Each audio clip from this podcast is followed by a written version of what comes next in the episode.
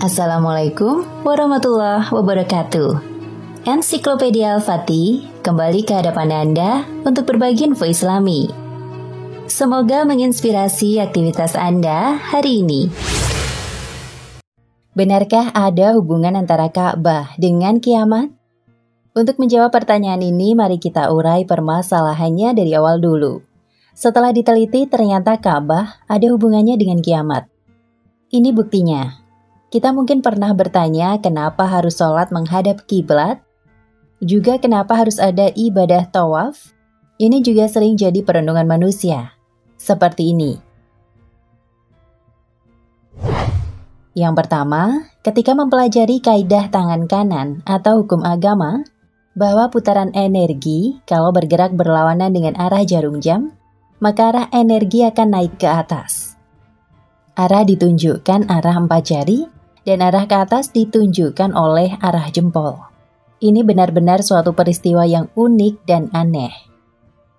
Yang kedua, dengan gambar foto pola ibadah tawaf, di mana bergerak dengan jalan berputar harus berlawanan jarum jam. Ini menimbulkan pertanyaan, kenapa tidak boleh berbalik arah, searah jarum jam misalnya? Yang ketiga, kenapa sholat harus menghadap kiblat, termasuk dianjurkan berdoa dan pemakaman menghadap kiblat? Yang keempat, kenapa sholat di Masjidil Haram menurut hadis nilainya 100 ribu kali dari tempat lain? Yang kelima, kenapa singgasana Allah ada di langit tertinggi? Energi sholat dan doa dari individu atau jamaah seluruh dunia terkumpul memiliki kekuatan supernatural dan terakumulasi ke Ka'bah setiap saat. Karena bumi berputar sehingga sholat dari seluruh dunia tidak terhenti dalam 24 jam.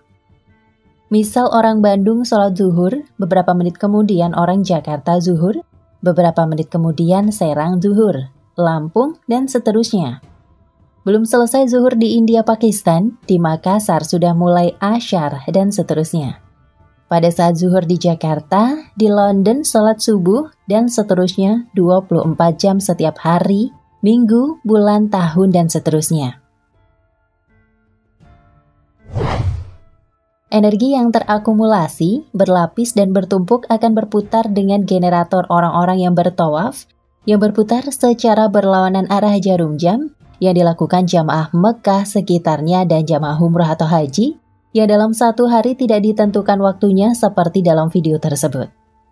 Maka menurut implikasi hukum kaidah tangan kanan, bahwa energi yang terkumpul akan diputar dengan tawaf, dan hasilnya kumpulan energi tadi arahnya akan ke atas menuju langit.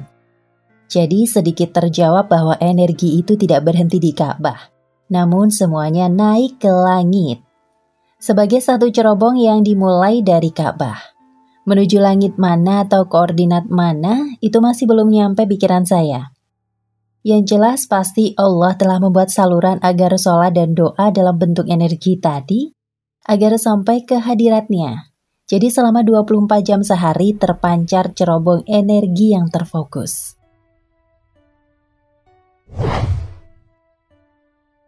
Sholat dan doa Diyakini akan sampai ke langit menuju singgasana Allah selama memenuhi kira-kira persyaratan uraian di atas dengan sintesa atau gabungan atau ekstrasi renungan hukum agama dan hukum alam, karena kedua-duanya ciptaan Allah juga.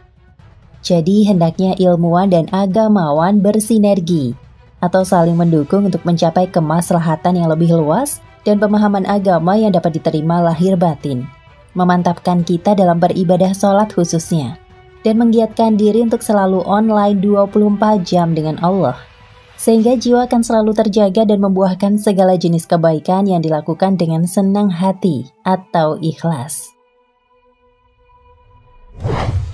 Ka'bah akan hancur dengan sendirinya.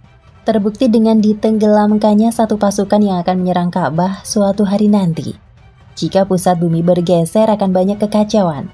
Seperti musim yang tidak mengenal waktu, kiamat akan cepat terjadi jika sholat sudah ditinggalkan maka siapa yang meninggalkan sholat berarti telah merobohkan agama. Nah pemirsa ensiklopedia Al-Fatih, sampai di sini perjumpaan kita kali ini. Semoga menginspirasi.